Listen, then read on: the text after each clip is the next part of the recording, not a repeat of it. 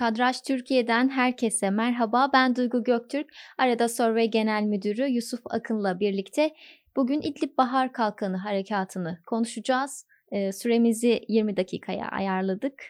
Ve hiç vakit kaybetmeden başlayalım isterseniz Yusuf Bey. Evet. Ee, İdlib'de askerlerimize yapılan saldırıyla 33 askerimiz şehit olmuştu. Ardından bu sayı 36'ya yükseldi. 36 eve ateş düştü. Akabinde Bahar Kalkanı Harekatı başlatıldı. Peki halkımız Bahar Kalkanı Harekatı'na nasıl bakıyor? Öncelikle şehitlerimize Allah'tan e, rahmet diliyoruz. Kederli ailelerine başsağlığı dileklerimizi iletiyoruz. Burada e, bu topraklar şehitlerin kanlarıyla sulanmış, bayrağını şehidin alkanından e, almış bir bayrağı olan e, bir vatan toprağı, bir devlet. Bu memleket bağımsızlığı ile alakalı, özgürlüğü ile alakalı gerekli tüm sınavları e, başarıyla geçmiş bugüne kadar. Allah'ın izniyle bundan sonrasında da e, gözünü budaktan sakınmayacaktır. Ama şöyle ki çok daha büyük bir organizasyon, çok daha büyük bir şer ekseni etrafında dönen bir mesele var. Evet. Ve e, bunun da inşallah olabildiğince hızlı şekilde ki dün mesela e, Rusya'da bir görüşmesi oldu. Sayın Cumhurbaşkanımızın e, Sayın Rusya Devlet Başkanı Putin'le o ve benzeri yapılacak tüm e, anlaşmalarla, buluşmalarla bunun bir şekilde suhulete ermesi, oradaki çatışma durumunun e, bitmesi en makul olacaktır diye düşünüyoruz. Evet, Kadraş Türkiye'ye de e, tekrardan hoş bulduk diyerek biz de o zaman girişimizi yapalım. Bundan sonra Bahar Kalkanı Harekatı ile alakalı bir araştırma yaptık biz. Sıcak gündem araştırması olarak değerlendirebileceğimiz evet. bir çalışma. 28 Şubat 3 Mart tarihleri arasında e, veri toplama süreci gerçekleşti. 2544 kişi e, denekle görüşerek Türkiye temsilini sağladık ve kavi tekniğini kullanarak çalışmamızı gerçekleştirdik diyebiliriz. Bir ayna niteliğinde olacak yani e, halkımız e, Bahar Kalkanı harekatına nasıl bakıyor Tabii. E, diye. E, şimdi İdlib'de 33 askerimizin de şehit oldu. O, dön o araştırmanın yapıldığı esnada, dönem, esnada 33 kişiydi. 36'ya yükselmemişti henüz. E, şehit düştü saldırıyı kim yaptı diye sordunuz. Evet bununla alakalı vatandaşın kanaati %56.7 oranında Suriye rejimleri ve Rusya'nın ortak saldırısıydı diyor. Yani şöyle ki rejim ve Suriye e, Rusya ile bir ortaklığının olduğu ile ilgili güçlü bir kanaati var vatandaşın zihninde bu hususun. Ya aşikar zaten e, rejim güçlerinin Rusya'dan habersiz olarak Hı-hı. bir şey yapamayacağını da az çok insanlarımız Uçurtma tahmin ediyor. uçuramayacaklarının farkında evet. rejim güçleri Rusya'dan habersiz orada. Ee, Rusya'nın hava saldırısında Rus uçağı görev almadığı açıklamasına inandı mı halkımız? Vatandaş hadi oradan diyor. Ee, hava saldırısında Rus uçağı görev almadığı cevabına ben %95 oranında, %94.9 oranında inanmıyorum diye belirtiyor. Neredeyse tamamı. Neredeyse tamamı doğru. Peki e, Suriye konusunda halkımız Rusya'ya güveniyor mu? Sonuçlar nasıl? Şöyle ki ya zaman zaman dış politikada Amerika ile yakınlaşmanın veya restleşmenin e, veya Rusya ile benzer şekilde Avrupa Birliği ülkeleriyle farklı şekilde ister istemez çok stabil e, ve tek düze bir dış politika yok. Hiçbir yerde, hiçbir ülke için yok. Sürekli değişen şartlarda kartlar yeniden karılıyor. Masada oturanlar değişebiliyor ve benzeri şeyler, durumlar olabiliyor. Dolayısıyla e, mesela geçtiğimiz e, özellikle bu işte rahip krizinin falan olduğu dönemlerde, doların yükseldiği dönemlerde yapmış olduğumuz araştırmalarda kabaca Rusya mı, Amerika mı gibi sorduğumuzda e, Rusya çok daha önde geliyordu. Rusya'yı çok daha destekliyor. Amerika'yı biraz daha uzakta görüyordu vatandaş. Ama şu anda Ocak ayındaki yapmış olduğumuz sizce e, Türkiye Suriye konusunda Rusya'ya güvenmeli midir sorusunda Ocak'la Mart arasında dahi neredeyse %10'luk bir farkın olduğunu görüyoruz. %8'lik bir farkın olduğunu görüyoruz. Vatandaş %95 oranına çıkmış şu anda Mart'ta Rusya'ya güvenmemeliyiz Suriye konusunda cevabını ver, verme oranı olarak. Ama şunu biliyoruz ki bizim halkımız hiçbir koşulda dış devletlere %100 güvenmeyen bir halk. Bu konuda da bence en mantıklı düşünce budur. Haklısınız. Ee, hangisine daha fazla güvenmeliyiz diye sorduğumuzda hiçbirine güvenmemeliyiz sorusu sürekli biz bu ülkeler bağlamında değerlendirdiğimizde birinci sırada geliyordu. %80'in üzerinde vatandaşımız diyordu ki hiçbirine güvenmemeliyiz.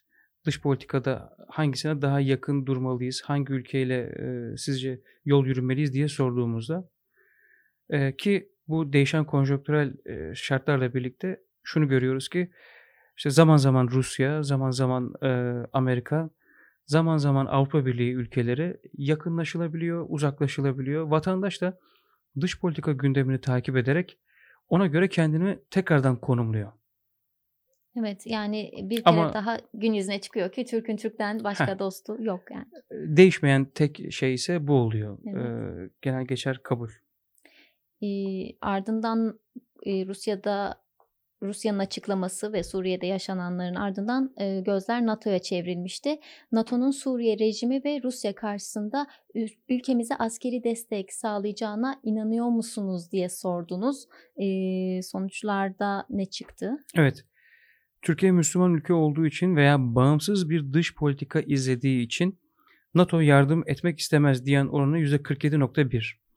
Dolayısıyla hem Müslümansınız hem de zaten bağımsız bir dış politika uygulamaya çalışıyorsunuz. Dolayısıyla NATO sadece tekraren belki sadece nasihat verir. Ee, uzaktan sakın yapmayın. Lütfen herkes yerine otursun. Sakin olun beyler der. Ama elini taşın altına koymaz gibi bir izlenimi var. Vatandaşın 47.1 47.1 oranında. NATO tam askeri koruma sağlamaz. Sadece hava savunma silahları temini e, gibi yöntemlerle kısmi askeri destek sağlar diyen oranı ise ikinci en güçlü cevabımız %33.8 oranında. Dolayısıyla vatandaş e, kabaca der ki NATO'dan çok e, büyük şeyler beklemeyin. NATO sen bağımsızlık, e, bağımsız bir dış politika yönettiğin için sana bir yardım etmez. Müslüman ülke olduğun için iki sana yardım etmez. Zaten NATO sıcak savaşa hiç girmez. Sadece belki teçhizat anlamında tedarik eder, sana verir e, diye belirtiyor görüşünü. Bu imajı da NATO kendisi çizdi. Ee, yıllar içinde geçmiş örneklere de baktığımızda e, bu aslında tecrübeyle e, düşünülmüş bir şey. Yani geçmişteki olaylara baktığımızda e, NATO bize çizdi bu imajı. E, ve görüyoruz ki hani Türk halkı ne Rusya'ya ne NATO'ya hiçbirine güvenmiyor. Yani NATO'ya da bir güvensizlik var. İnan, inancımız az yardımlarına. Birleşmiş Milletler ve NATO ve benzeri e, ulus, uluslararası e, organizasyonlar e, kabaca mantık olarak kuruluş felsefesi olarak çok makul şeyler olmakla birlikte şu an rasyonel e, yani gerçek bugün de işleyişleri e, hedeflenenin çok uzağında. Yani hedeflenenle gerçekleşen arasında dağlar kadar fark var. Vatandaş da bunu çok net görüyor. Dış Görüyor. politika uzmanı olmamasına rağmen, uluslararası ilişkiliciler işte bölümcü olmamasına rağmen çok net olarak gördüğünü görüyoruz. Anadolu insanının farklı bir feraseti var, farklı bir okuma kabiliyeti var. Bunu eee, siyasilerin sosyal hayatla, sosyolojiyle ilgilenenlerin kesinlikle göz ardı etmemesi gerekli. NATO Genel Sekreterinin Suriye rejimi ve destekçisi Rusya'nın İdlib'deki saldırılarını kınaması ve saldırılara son vermeleri çağrısında bulunması saldırıları durduracak mı diye sordunuz ve çok güçlü bir cevap görüyorum burada. 95.5 hayır diyor. Hiçbir etkisi olmaz diyor. NATO Genel Sekreterinin e, durun çağrısı. Bir NATO ülkesi olarak Türkiye'nin İdlib'deki saldırılardan sonra Rusya ve Esed'e karşı NATO ülkelerinin desteğini alacağını düşünüyor musunuz diye sordunuz. %85.3 hayır diyor. Yine aynı şekilde e, NATO organizasyonunun da e, NATO e, ülkelerinin de bir destek olmayacağı kanaati hakim kanaat olarak değerlendirebiliriz vatandaşta. Tüm bu yaşananların ardından e, göçmen konusu bir kez daha gündeme geldi ve Türkiye sınır kapılarını açmaya karar verdi.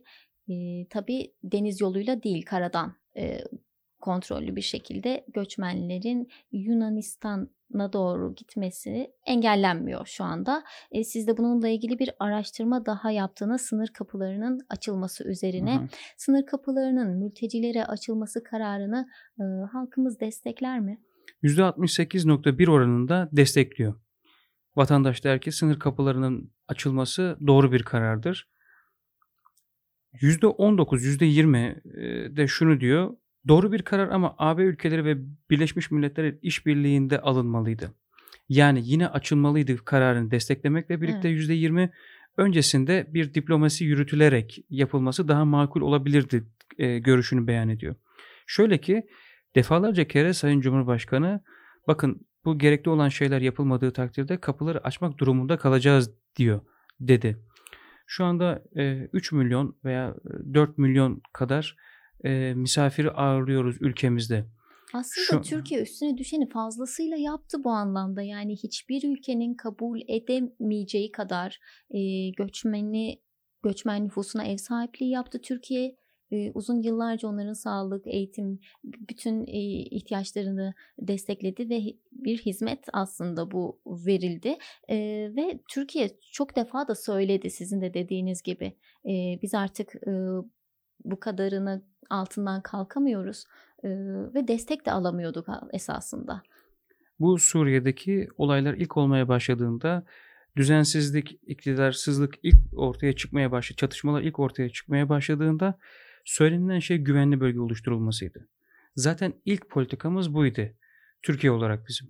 Daha sonrasında güvenli bölge oluşturulamadı ve kapılar açmak durumunda kaldık e, hem insani hem dini belki de değerlendirmelerle, e, inançlar gereği. Dolayısıyla buraya kadar geldiler ve uzun yıllardır Avrupa Birliği sadece nasihat verdi. E, sadece insan hakları bildirgesinin ilgili maddelerini işte paylaştılar. Bu kadar ama. Yani o kadar konforlu bir alan ki onlarınkisi. Bu şöyle yapılmalı, bu böyle yapılmalı. Sorsanız insan hakları ile ilgili e, şey yaparlar. E, derler ki bunun karar vericileri sadece ve sadece bizleriz. Ve bu böyle olması lazım ki 3. dünya ülkelerinde, Afrika ülkelerinde yapmış oldukları mezalimleri unuttuğumuzu düşünerek de bunları söylerler. Yani gözlerimizin içine bakarak e, biz sizi aldatacağız. Siz aslında bizim ne yaptığımızı bildiğiniz halde biz size farklı bir şey söyleyeceğiz. Ve siz anlasanız dahi lütfen bize çaktırmayın diyorlar. Bildiğiniz zihnimizle, aklımıza dalga geçercesine bunları söylüyorlar. Sayın Cumhurbaşkanı bunu defalarca kere belirtti. Kapılar açmak durumunda kalırız diye. Verdiği hiçbir e, e, taahhütü yerine getirmedi. Avrupa, Avrupa Birliği ülkeleri. Ve şu anda da biz e, buradaki göçmenlere gidin demiyoruz. Sadece gidenlere durdurmuyoruz. Evet, Durun evet, demiyoruz. Zorlama yok. Aynen. Gidenler dolayısıyla kendi istekleriyle gitmektedirler. Evet. Bununla birlikte işte şu anda Avrupa'nın aslında gerçek yüzünü görüyoruz. Bir Türkiye milleti ki düşünelim. Geçtiğimiz hafta basına yansımıştı. Basından dinlemiştik. Ya diyorlar ki oradaki teröristler bile Suriye'dekiler bile e, ambulanslara biniyorlarmış. Niye? Çünkü biliyorlarmış ki Türk ordusu ambulansları bombalamaz. Ya şimdi e, emin olunan e, yani bu şey gündemin dışında, raporun dışında bir şey belki ama delikanlılığından emir, emin olunan bir Türk ordusu var. Türkiye milleti var. Türk ulusu var. Ya burada bunun yanında bize akıl vermeye, ahkam kesmeye çalışan bir Avrupa var ki ne geçmişi ne bugünü temiz değil bu konuyla alakalı. Konuşabilecek durumda dahi değiller. Ki şu an görüyoruz tampon bölgede nasıl bir insanlık heh, dramı yaşandığını. Ona rağmen de bir şey diyorlar. İşte vatandaş bunu çok net görmüş.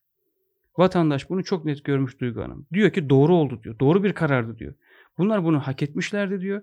Şu anda bu yapılan şeyler aslına bakarsanız bir buçuk milyonluk bir göç dalgası daha geliyor. Evet devamı var bunun. Çok büyük bir devamı da geleceğini düşünüyorum yani, ben şahsen. E, İnşallah işte bunu bir şekilde dünkü e, Rusya'daki yapılan görüşmeler sonrasında bunun biraz daha e, alınan kararın uygulanmasıyla alakalı irade konulur.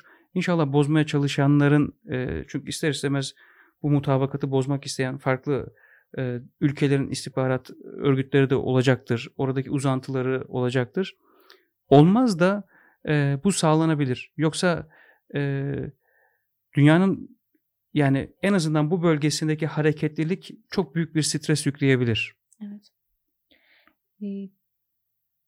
Peki bu göçmenlerin yurt dışına Avrupa'ya doğru hareketini Türkiye'nin artık engellememesinin karşılığının Avrupa Birliği'nden Türkiye'ye karşı bir yaptırım olacağını düşünüyor mu halkımız? Yok diyor ki hayır %62.4 oranında herhangi bir yaptırımı olacağını düşünmüyorum diyor. Çünkü vatandaş şunu da görüyor. Avrupa Birliği de Türkiye'ye karşı e, tutunduğu ikircikli tavırın farkında. Onlar da biliyorlar ki e, verdiği taahhütleri yerine getirmediler.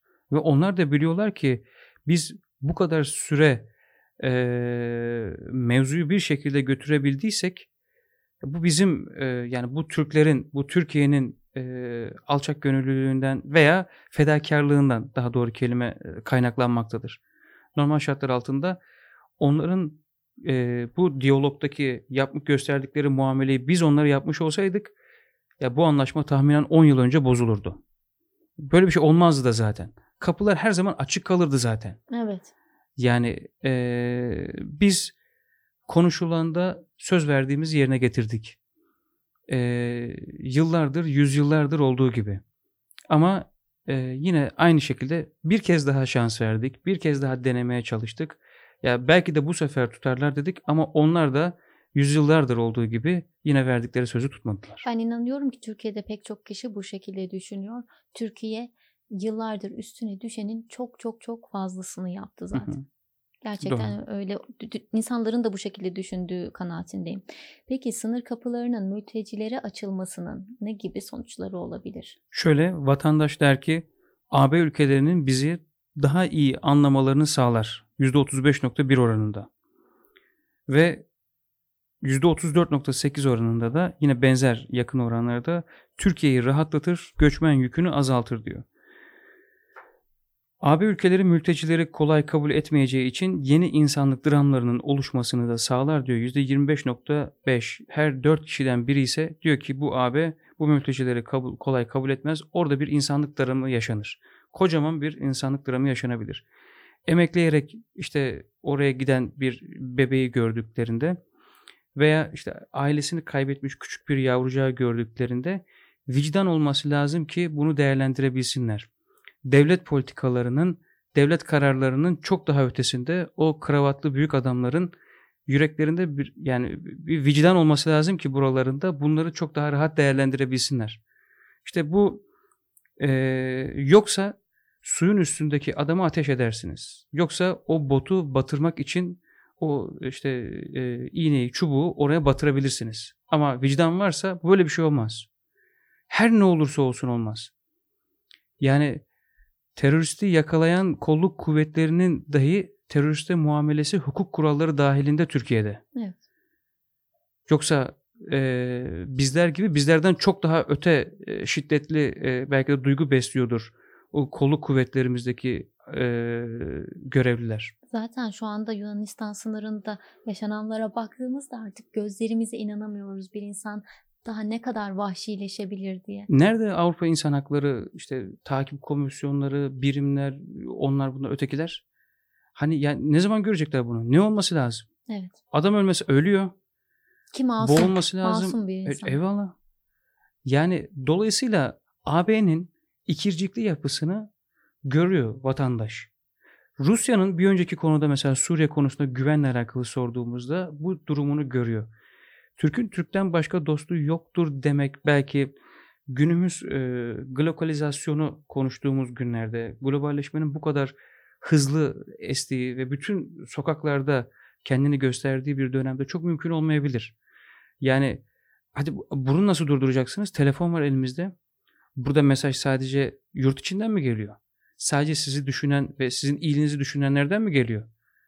Yani şu an burada Amerika'nın mesajı da var benim telefonumda. Rusya'nın mesajı da var. Şu anlamda farklı e, içerikler içerisinde yüklenerek onların da o bilgileri ister istemez geliyor. Onlar da yönlendirmeye çalışıyorlar bizi. Vatandaş ez cümle sonuç olarak der ki kapıların açılması çok doğruydu. Evet. Avrupa Birliği'ne her Avrupa Birliği herhangi bir yaptırım uygulayamaz Türkiye'ye ve bu kapıların açılması AB ülkelerinin bizi daha iyi anlamasını sağlayacaktır. Kesinlikle. Sınırın sınır kapılarının açılmasıyla alakalı hususta vatandaşın Genel düşüncesi bu. Ve eminim ki Türkiye'nin tek endişesi e, Türkiye'nin ve savaş mağdurlarının e, daha fazla yara almadan, daha fazla incinmeden e, bu süreci kolaylıkla atlatması. Bu arada Süremizin de sonuna geldik. E, Kadraj Türkiye podcast yayınımızı burada noktalıyoruz. Türkiye'nin kadrajında Bahar Kalkanı Harekatı ve göçmen e, göçmenlerin son durumu vardı. E, göçmenlere sınır kapılarının açılması vardı. Haftaya yeni bir konuyla görüşmek dileğiyle diyelim. Hoşçakalın. Hoşçakalın.